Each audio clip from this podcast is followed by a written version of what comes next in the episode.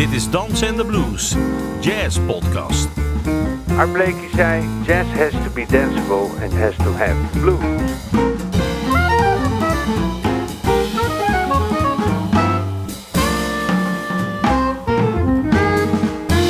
Je luistert naar een aflevering van Dansen en de Blues. Een podcast over jazz met kleurrijke gasten, indringende gesprekken, sterke verhalen en vooral swingende muziek. Mijn naam is Ben van der Dungen en vandaag spreek ik met Abschaap. Het tweede deel van de podcast met de bijzondere muzikus Abschaap uit Rotterdam. We gaan eerst een stukje luisteren. Dat is een, eh, in deel 1 eh, waren we eigenlijk bij zijn, eh zijn arrangeuractiviteiten en, en eh, componistenactiviteiten gebleven. En daar pakken we hem weer op. Eh, het is een stuk, het heet King Square. Dat is, neem ik aan, Koningsplein, waar je woonde. Ja, Klopt dat ook? klopt. En het is eh, geschreven voor de saxgroep van eh, de jazzorkest. hè? Ja, dat was nog geen Dutch Jazz, maar dat werd het later. Oh, dat werd later. Ja. Het is vanuit die saxgroep is Ja, het de jazzorkest wij heten. Five and More en dat was een stuk van eh, Ferdinand Povel, speelden wij. Dat heette Five and More. Oh ja, joh. En later kwamen wij als saxgroep terecht in de Dutch Jazz Orchestra. Ja, want dit sp- is begin eh tachtiger jaren. En wie zaten er allemaal in, in die eh, saxgroep? Eh, Albert natuurlijk, Hans Meidam, Max Bourré, bariton en Toon. En als, zo? Als heel jong broekie. En op deze opname hoor je inderdaad Hans Vromans, nu al jaren pianist bij het Metropool. En je hoort Arnold Gerritsen en zijn broer Onno op bas. Oh, Ja. mooi. En de, eerste opnames bij Max Bourré in, in eh, nee, Max Bolleman in Monster. Wow. Op die, op die 16 eh, sporen recorder. Ja. ja, Mooi. maar goed, eh, ik vind het wel leuk om dit te Ja. laten horen. Laten we even daarna gaan luisteren. King Square.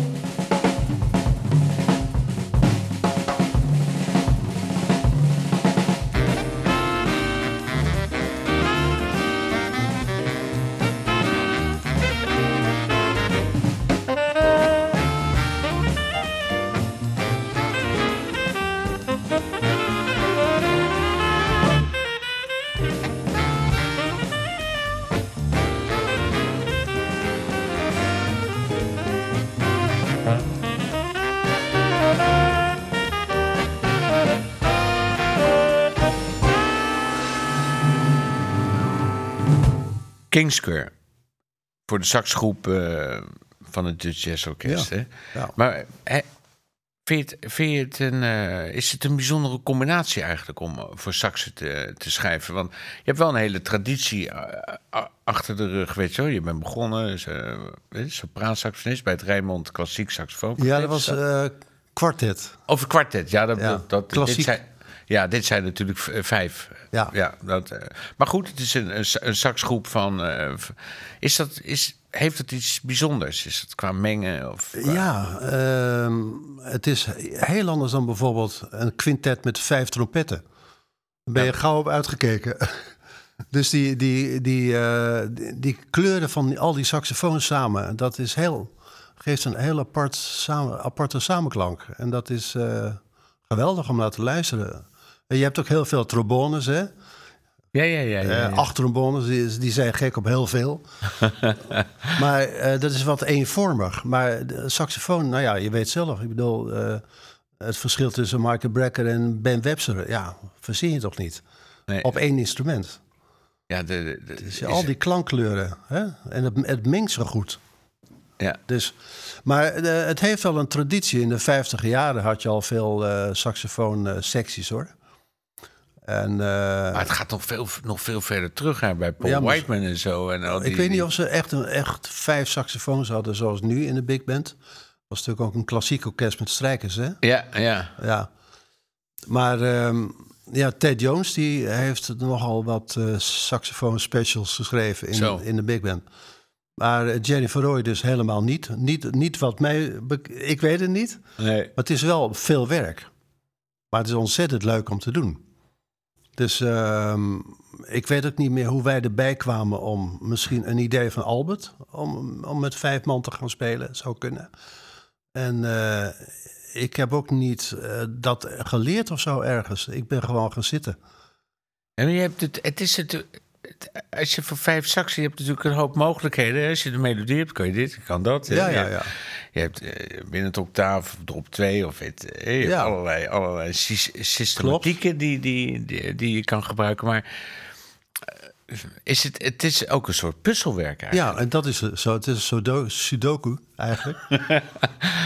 maar wat belangrijk is, eh, dat je eh, in het goede register schrijft. Dat, dat al die instrumenten in een goed register klinken.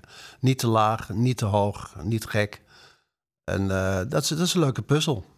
En dat het een beetje speelbaar is. Dat je niet Ja. zo'n zo'n lage partij hebt die dan opeens drie keer dezelfde noot speelt. in Nou ja, dat is bij Ted Jones vaak het geval. En wij veranderden dat onder het spelen. Dat zal hij vast niet gehoord hebben. nee, Nee, bijvoorbeeld 4 zestiende repeteren, dat is niet te doen. Nee. In een hoog tempo. Dus wij deden er wat anders mee. En ik denk dat hij het prima vond. Ja, waarom Ja. zou je het niet kunnen mogen veranderen? Ja, precies. Maar ja, goed. Maar ik heb het tot aan de dag van vandaag altijd eh, heel leuk gevonden. Om, om dat te doen, ja. Je hebt ooit een opdracht gehad van, eh, dat, dat, dat- dat vertelde ik al in de introductie van eh, deel 1 van de podcast, van de Thaise koning. Boemibon. Hoe heet hij nou precies? Ja, de L is een N, Boemibon. Oké. Ehm, dat had natuurlijk te maken met een, eh, met een iemand anders. eh Mr. Sukri Ah ja. heette dat. En als je dus dat gebied betreedt, dan heb je ook te maken met hele interessante Charlie en allerlei beetje dubieuze mensen. Maar wij hebben daar met de big band van school gespeeld. Zodoende kwam dat. Twee weken lang. eh, Singapore en toen in Thailand. En op zekere dag werd ik eh, gebeld door die Mr. Sukri. En of ik eh arrangeerles wilde geven.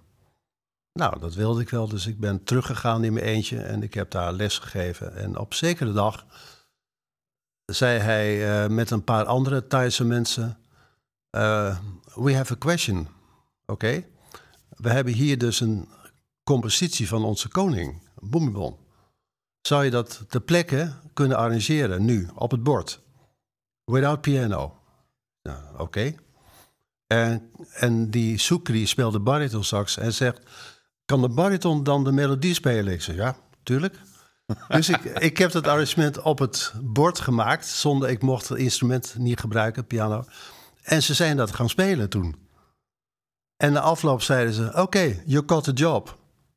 Wat dan? Nou, je mag de King Songs gaan arrangeren voor een cd. Wauw. Ja. En toen heb ik een boekje toegestuurd gekregen later met in de Thais. Oh, zit ook lekker op. Maar de nootjes waren gewoon nootjes. ja. en eh, dat, dus ik heb dat voor vier saxofoons a cappella gearrangeerd en dat is opgenomen. Door Thaise saxofonisten. Ja, door Thai saxonisten. En dat is ook eh, heel, een hele tijd op de Thai Airways eh, gespeeld, heb ik gehoord van mensen. En er waren de, want die Thaise mensen die kennen die liedjes allemaal, die melodieën. Ja. En de koning had gestudeerd in Zwitserland. Die, die speelde zelf een beetje klarinet of trompet, dat weet ik niet. Maar eh, hij- Ik heb gehoord dat hij ooit in Berkeley saxofoon dat weet ik niet. Dat weet ik niet. Maar, eh, Jazz. Hij, hij, eh, hij schreef jazzy-achtige melodieën, maar ik moest eigenlijk alles veranderen. Die changes en zo, dat sloeg nergens op. Dus Nee, ik nee, heb nee. behoorlijk wat... En toen, eh, een tijd later, vroegen ze of ik dan ook weer King Songs wilde schrijven... voor vijf saxofoons met ritmesectie. Ben ik weer teruggegaan. En toen brak er een burgeroorlog uit. Nou, dat is een heel ander verhaal, daar gaan we het nou maar niet over hebben. Maar ik moest als een gek weg daar. En toen belden ze later weer op of ik voor Big Band iets wilde doen. En toen kreeg ik een heel pak papier thuisgestuurd van een andere koning uit de 19e eeuw. En dat was alleen maar pentatoniek. Daar kon ik dus gewoon helemaal niks mee. en toen heb ik heel vriendelijk gezegd: joh, ik heb zoveel eerbied voor deze muziek van deze koning, maar dat, daar, ga ik, daar waag ik mij maar niet aan. Dus uiteindelijk is het eh, een beetje doodgebloed. Maar ik ben er behoorlijk wat keren geweest. Ja. Ja. Dat is toch avontuurlijk? Ja, dat is het eigenlijk. Ja, mooi is dat, hè? Avontuur. Ach ja, muzikaal was het niet zo eh, bevredigend verder. Maar ja, goed. Je hebt eigenlijk toch wel veel gedaan met die, met die school, hè? Met die Ja. orkesten en zo. En eh, een beetje in de stijl van eh, om, om, om die sprong te maken naar je docentschap. Want dat is natuurlijk een heel belangrijk element in, in jouw hele ja. muzikale leven en carrière.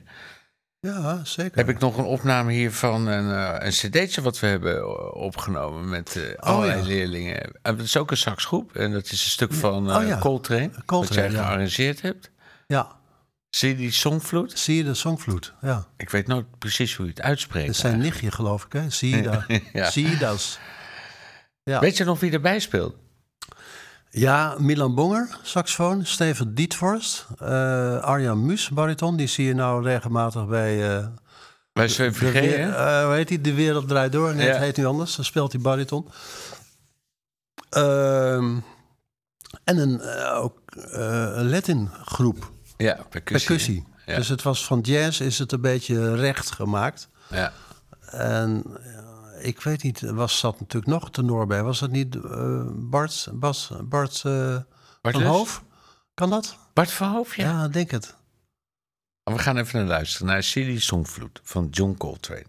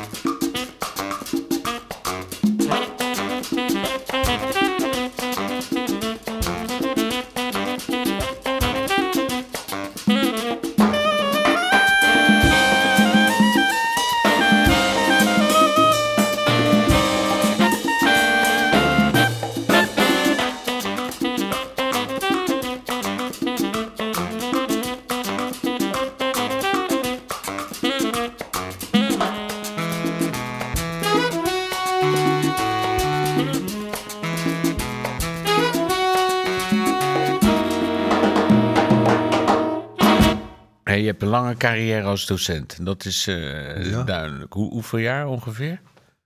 Nou, toen ik, af, eh, toen ik stopte, was het in 2019, was het 42 jaar. Zo. Ja. En als je dan kijkt, hè, je bent altijd blijven arrangeren. Je hebt op een gegeven moment eh, heb je die saxofoon, zeg maar, daar heb je afscheid van genomen. Dat heb je nooit gedaan van de docent. Ja, je speelt nog fluit, eh, eigenlijk ook klarinet. Hè, die zijn, eh, maar als docent ben je eigenlijk eh, onverwoestbaar doorgegaan.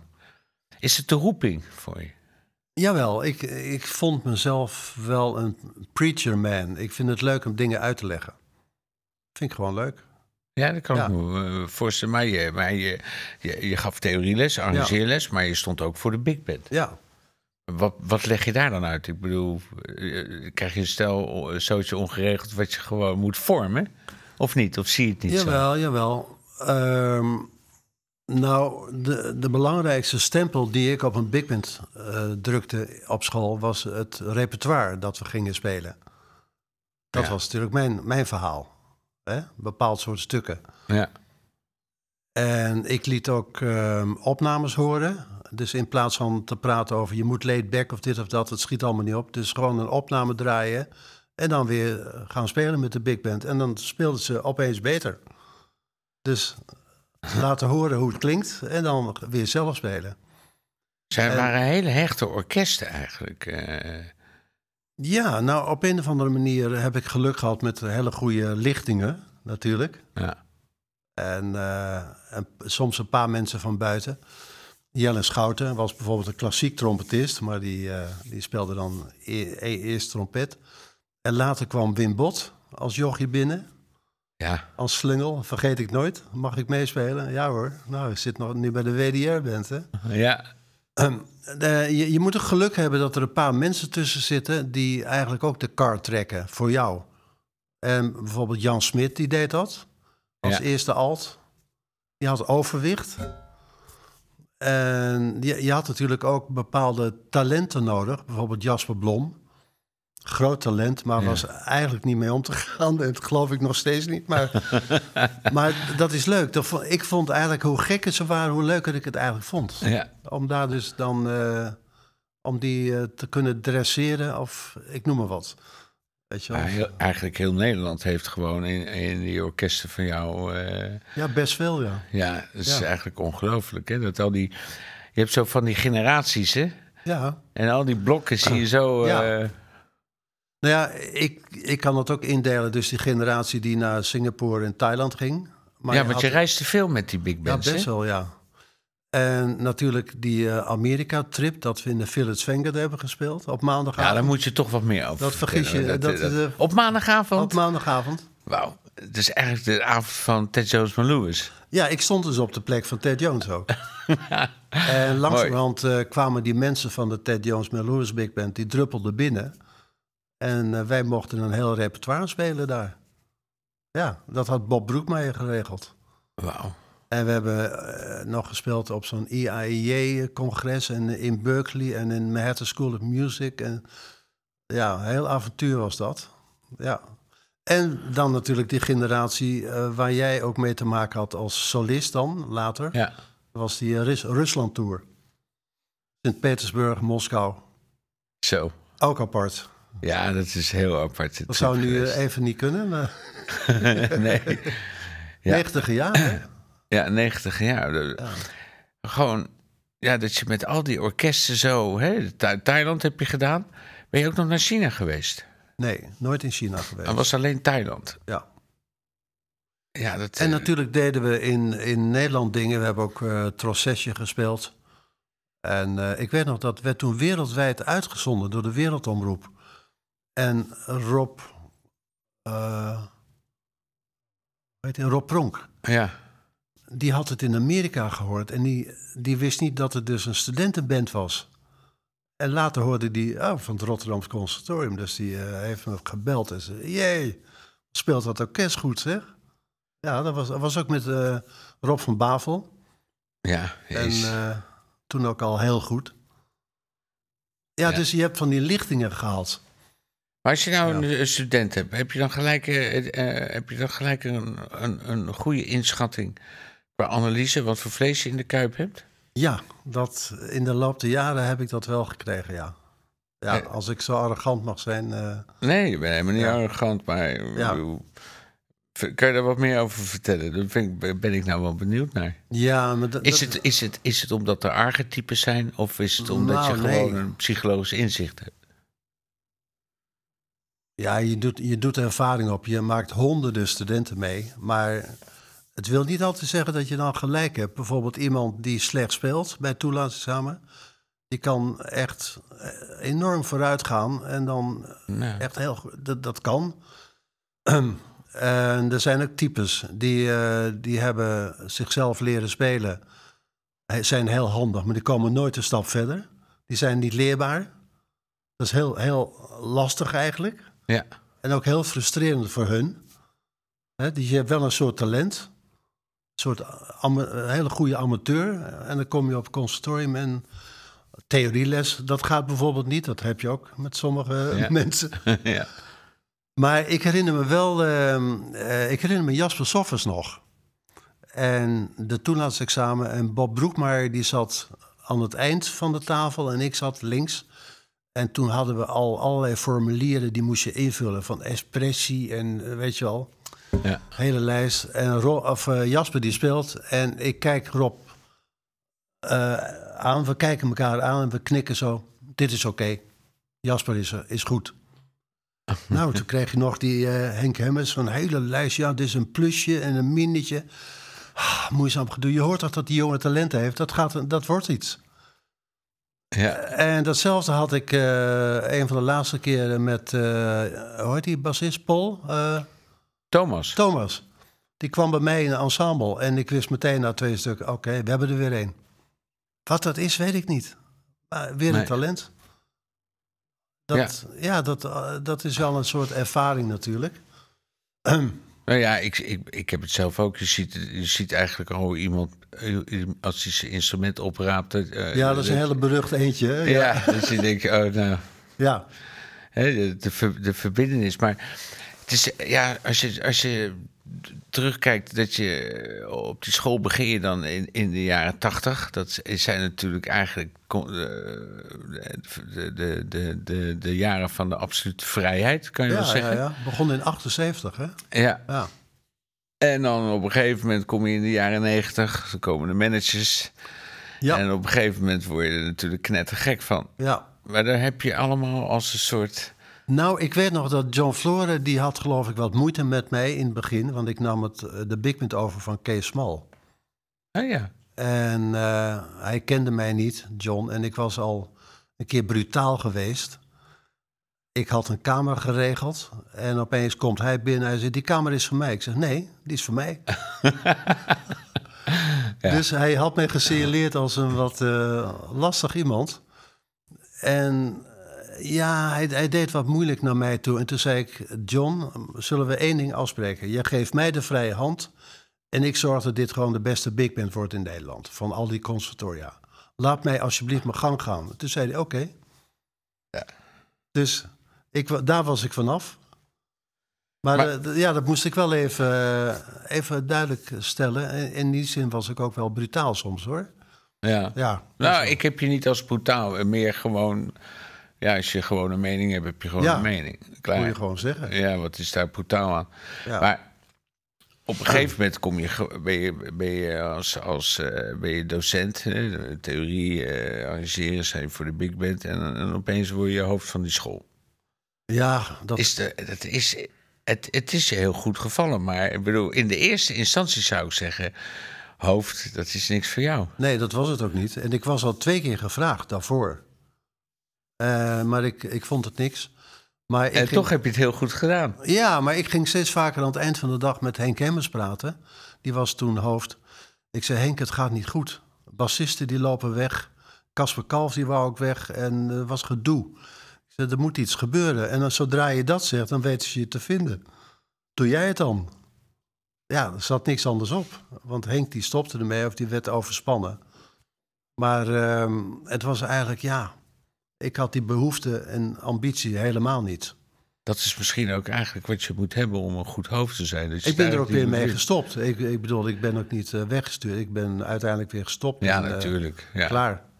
Ja. Maar je hebt het toch nog een tijd volgehouden. ja, ik weet wel niet hoeveel jaar. Ja. Ik denk wel tien jaar. Ja, ik denk het ook wel, hè?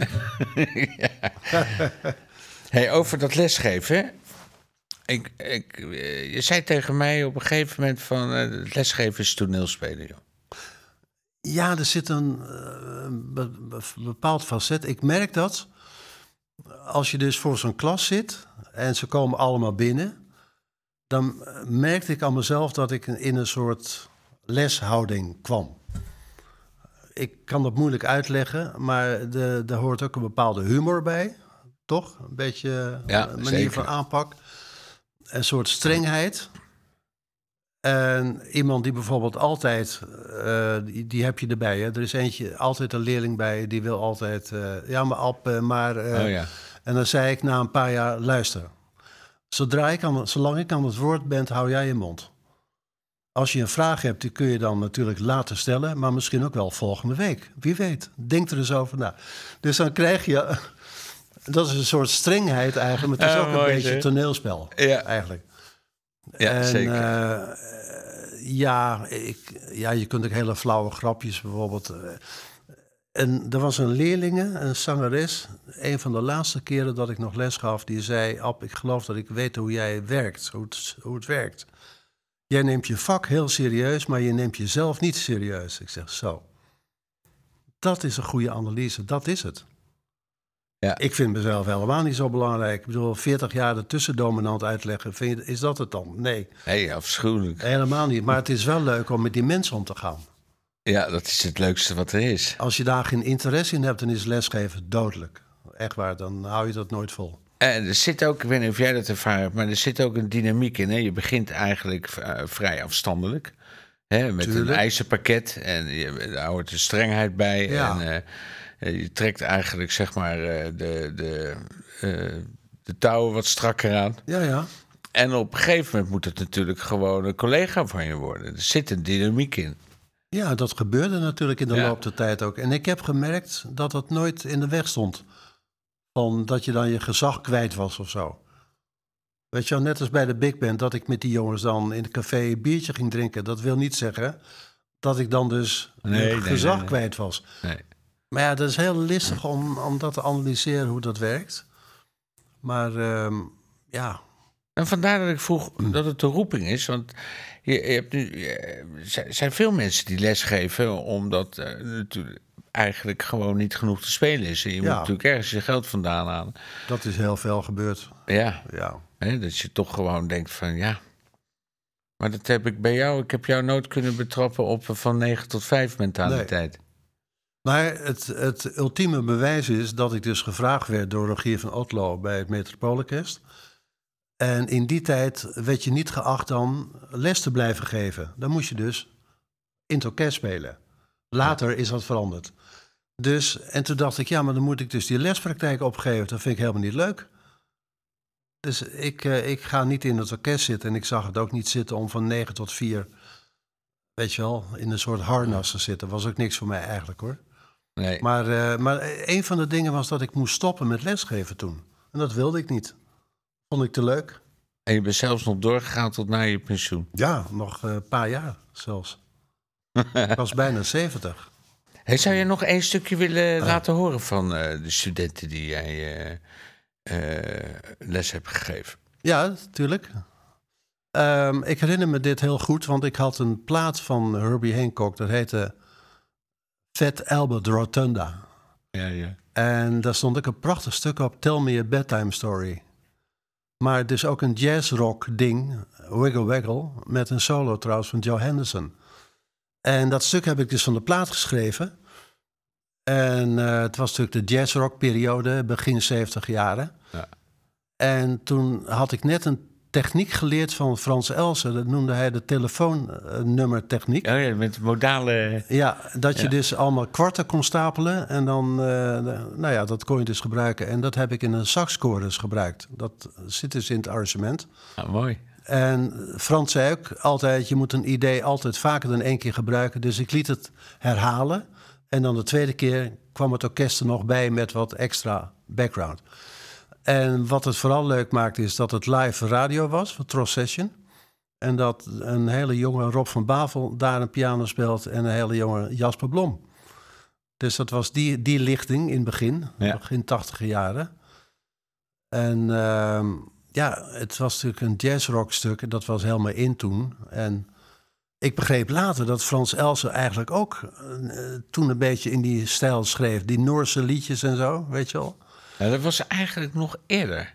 Ja, begin 70 was dat, ja. Maar toen leerde ik ook wat een... Maar, maar dit stuk is al van uit die tijd. Ja, Heb, oh, dat Zeker. begrepen. Ah. Ja, die plaat is zelfs in de 60 jaren geloof Nee, ik. maar ik, ik eh, bedoel het arrangement zelf. Ja, begin, dat was mijn eerste arrangement in de zeven- begin 70 in Wauw. Zwolle. Oké, Ja. nou snap ik het. En toen leerde ik ook wat een compliment van Frans Elsen inhield. Dat was namelijk de partituur teruggeven. En terwijl die wegliep, zei hij: Heb je nog wat? Dat betekende compliment. Oh, ja. Want ik zag ook dat hij dat bij sommige anderen niet deed. En dat stuk werd nooit meer gespeeld, weet je wel. Maar ik, ik ben er altijd wel enthousiast over geweest. En, eh, ik, wat ik handig vond, is dat stuk van Hancock... is eigenlijk al een soort big band, maar dan met heel weinig blazers. Dus ik heb het gewoon dikker gemaakt. En dat heb ik met arrangeerles ook altijd als tip gegeven. Neem dan een stuk bijvoorbeeld van Horace Silver... en maak dat dan groter. Maak er een big band ding van. Want dan heb je eigenlijk alle ingrediënten. De vorm en zo heb je al. Je hoeft niks zelf te verzinnen. Dus in die zin eh, ja, was het wel een geslaagd arrangement, vond ik. Ja, leuk. En eh, we hebben het bij Rob Matna ook nog wel gespeeld. In Den Haag, herinner ik me. En er was een arrangement ook van eh, Bob Minzer, ook van hetzelfde stuk. En toen zei Rob Matna, nou vind ik niks, vind het voor jou veel beter. Oké, weer een compliment te pakken.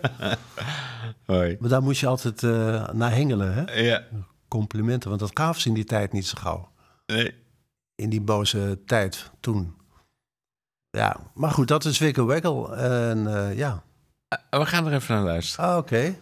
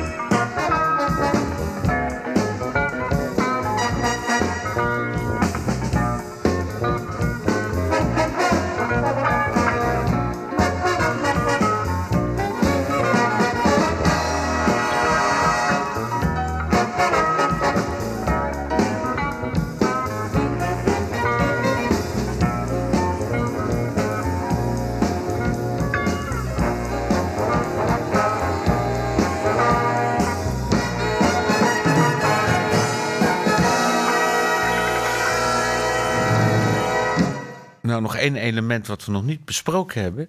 Dat is je auteursactiviteiten, om het zo maar Ja. te zeggen. Hè, ik, eh, je, je hielp me herinneren aan het moment dat dat gebeurde. Ik was het eigenlijk vergeten, maar we waren op die summer school in Korea les Ja. aan het geven. En in één keer eh, ontstaat er wat.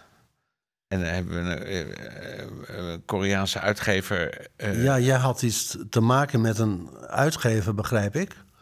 En Ja. jij stelde hem aan mij voor. Maar had je, toen, was je toen, had je toen al het plan eigenlijk om, een, om dat boek te, eh, te maken? Nou, dat zat een beetje in mijn hoofd. Eh, ik, ik probeerde een beetje Mozart te spelen op mijn manier.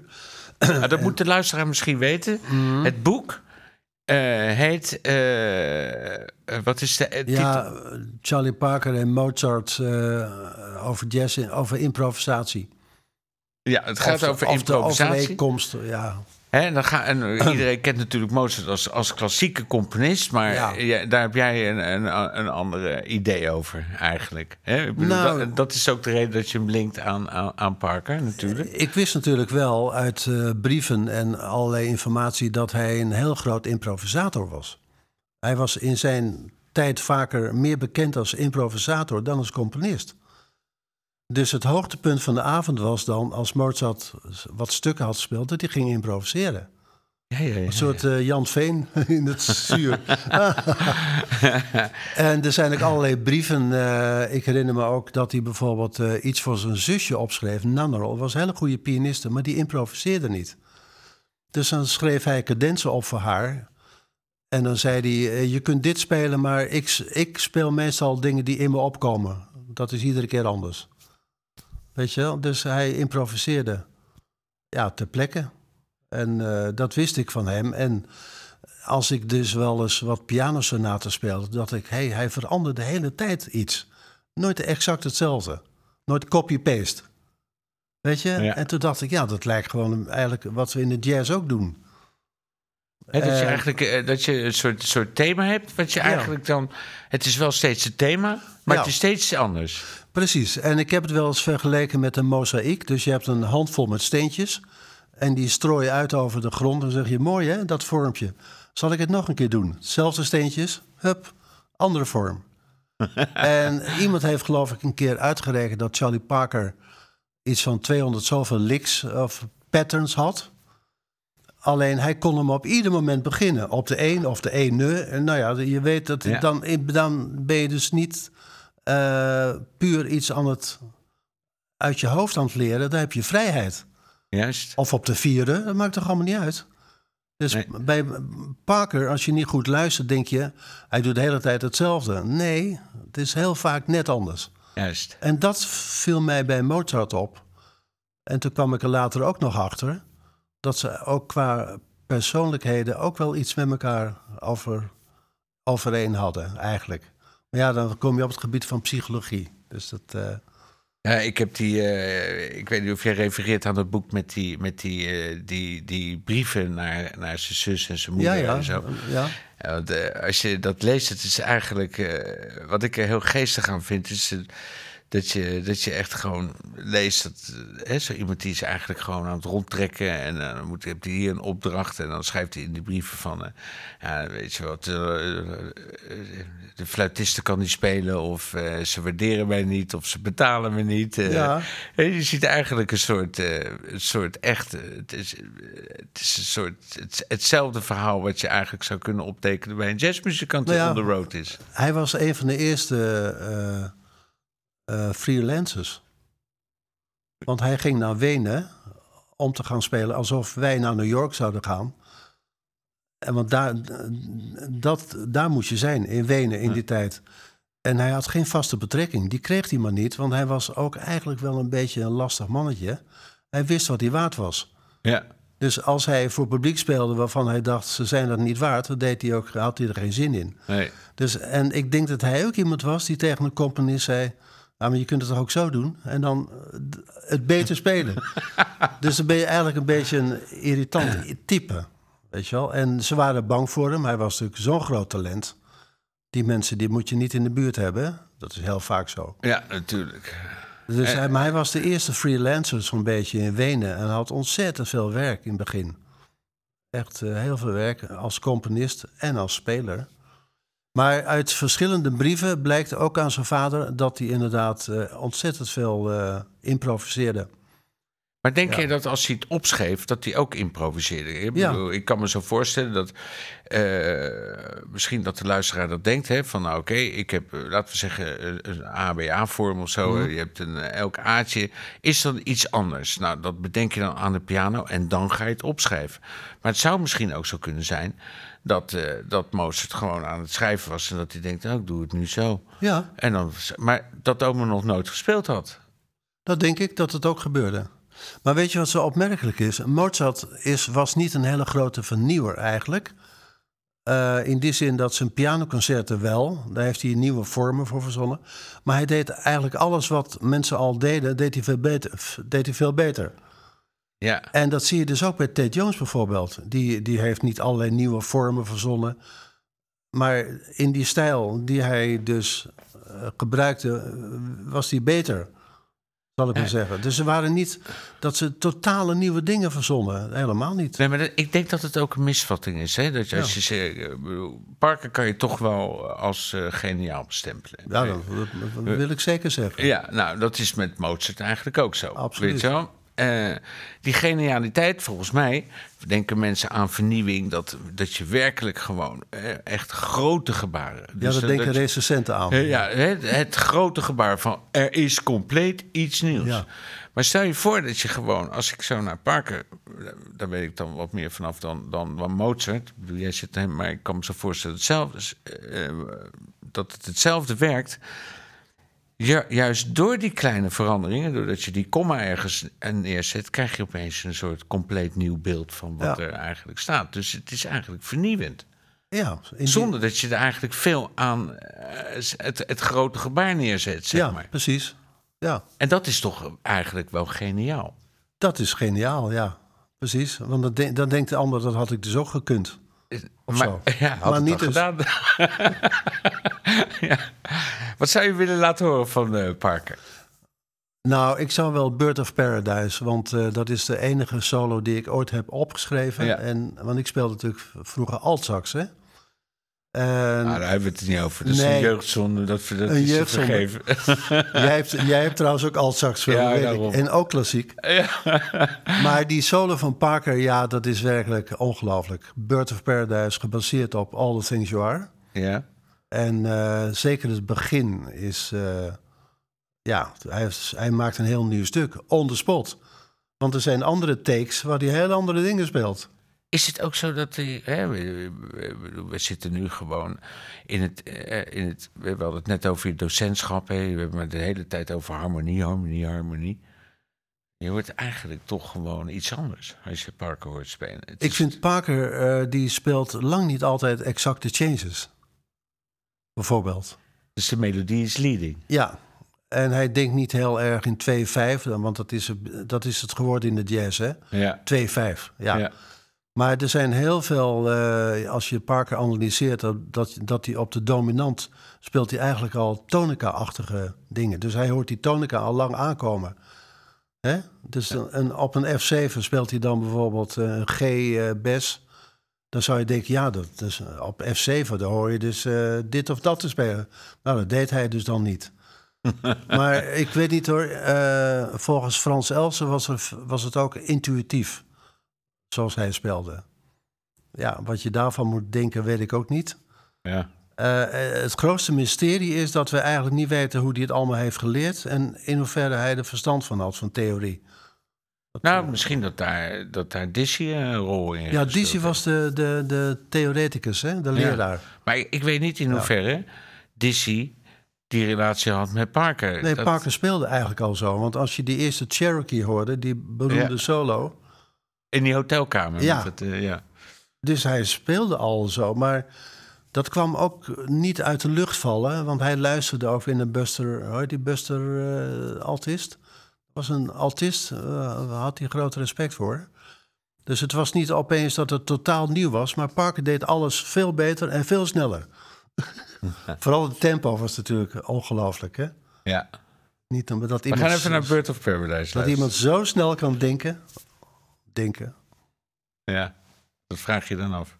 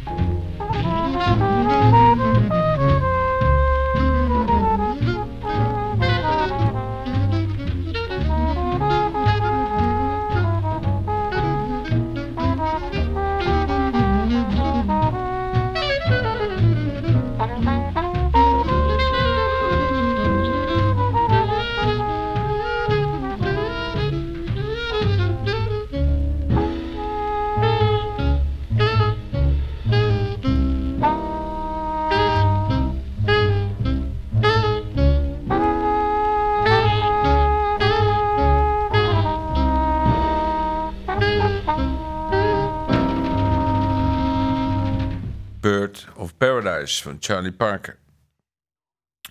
Ja, je hebt ook nog een eh, klassieke periode eh, achter de rug gehad. Hè? Eh, klassiek saxofoon kwartet, Rijnmond Ja. saxofoon kwartet. Vind je het leuk? Klassiek? Saxofoon? Dan moet je dan toch gewoon weer die C-ster erop zetten met dat Doorn rietje. Nee, het was eigenlijk noodgedwongen. Leuk gedaan. Jij speelde sopraan, hè? Ja, klopt. Ja, Ook met dat mooie vibrato en een beetje draaien. ja maar dat ding. heb ik nooit 100% eh, geleerd, hoe dat, dat hele perfecte klassieke vibrato. Oh, wees daar maar blij om. Maar ik weet, ik had les van Leo van Oostrum en dat is natuurlijk een gigant op klassiek eh saxofoongebied. Ja, En toen vroeg hij, sp- speelde hij een keer verschillende versies van, het, van Kla Klazenhof, weet je wel? Als, Ja. Nou, dat is wel een mooi stuk hoor. ja. Maar had hij een paar versies en toen zei hij, welke vind je mooier? Ik zeg, nou, ik vind die mooier, maar om je de waarheid te zeggen, ik vind het eigenlijk allemaal niks. dat was een enorme teleurstelling. En ik weet nog dat Ferdinand Povel ooit een keer zei, ik heb een hekel twee dingen, klassiek saxofoon en zang. klassiek zang. Maar ehm, ik heb mijn best gedaan. Ik heb het solistendiploma zelfs gehaald. En eh, dus ja, eh, ik heb het gewoon doorgezet. Maar klassieke muziek ben ik gek op, maar niet per se klassiek saxofoon. Nee. Nee, maar eh, ja, nou ja, goed. Er is veel mooie klassieke muziek natuurlijk. Maar over dat Rijnmond saxofoonkwartet, ja, dat was wat. Eh, veel eh, Frans re- repertoire. ja. En een beetje moderne muziek, piepkrakachtige dingetjes. Ja, ja, ja. Veel En een stuk van jou. Ja, je bedoelt deze Ja. cd. Ja, ja eh, s- eh, toen zat ik er al lang niet meer in. En toen vroegen ze of ik op, ja, arrangementen wilde maken. En toen dacht ik, oh, dan kan ik misschien eh, stukken van Oliver Nelson doen. Want die had een boekje voor piano geschreven. Dus eh, niet van een cd met big band arrangementen, maar had een pianoboekje. Dat had ik. Dus dat heb ik geïnstrumenteerd voor vier saxofoons. En bij een aantal opnames heb ik zelf meegespeeld als solist. Dat was gewoon mijn eigen inbreng. Ja. En er zit ook een eh, arrangement op a cappella van April in Paris. Daar was ik ook wel tevreden over. En ik herinner me die tijd nog dat ik had die opdracht gekregen en je zult het niet geloven, ik was het soort van vergeten. dus op zeker moment belt Honey Bok op. Hij zegt, is de muziek klaar? Eh, Oeh, je- jezus. Ja, want volgende week hebben we de studio geregeld. Dus ik heb de, in één week al die muziek moeten schrijven. en ik ben ook meegegaan naar die studio. En toen kwam ik op het idee om zelf ook wat mee te spelen. Dus dat is op die cd terechtgekomen. Maar het was een eh, aardige stressweek, moet ik zeggen. Hoe heet het stukje? Dit is 4 en 6, geloof ik. Ja. En het komt allemaal uit het pianoboekje van... eh, ja, gek hè? Eh, de grap is dat later Bert Vuijsjes, die heeft het ooit gerecenseerd. En die zegt, nou ja, het lijkt dus niet op die big band muziek van Oliver Nelson. Toen ik, en ik kende hem wel, toen heb ik hem gesproken. Ik zei, Bert, ik heb niet geprobeerd om die big band muziek naar klassiek kwartet te schrijven. Dit is van een pianoboekje van Oliver Nelson. Oh, dat wist ik niet. Zei, nou, misschien kun je in vervolg even beter informeren. Weet je wel. ja. Maar ehm, ja, het was een soort instrumentatie van, van die pianomuziek. dat zo heb ik dat gedaan. Ik wilde je eh, hartelijk bedanken voor deze podcast. Nou, eh, graag gedaan, Ja, eh. twee, eh, twee uur zijn omgevlogen. Eh, ja, we gaan gewoon afsluiten met... eh, met, met Afsluiting, ja. Hoe heet het ook weer? Voor en six. 4 en 6 met Ja. Ab Schaap op de tenorsaxofoon. Ja. Ja, ik had het al een stukje gehoord, dus eh, een lekker warm geluid eigenlijk. En eh, het Rijnmond saxofoonkwartet.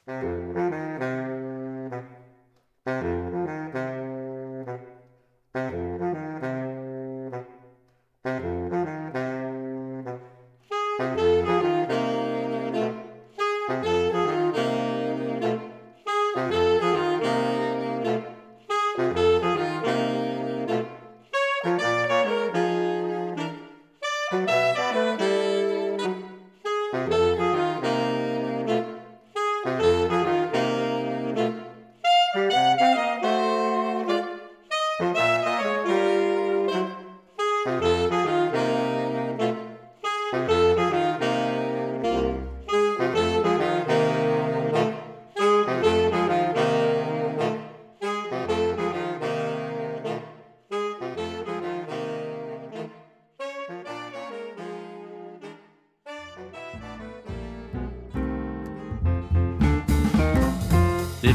Dansen en de Blues. Een podcast over jazz door Ben van der Dungen, Thijs Nissen en Tom Ridderbeeks. Abonneer je snel en laat een goede waardering achter. Wil je meer weten? Kijk dan op dansenandeblues.nl en volg ons op Instagram en Facebook.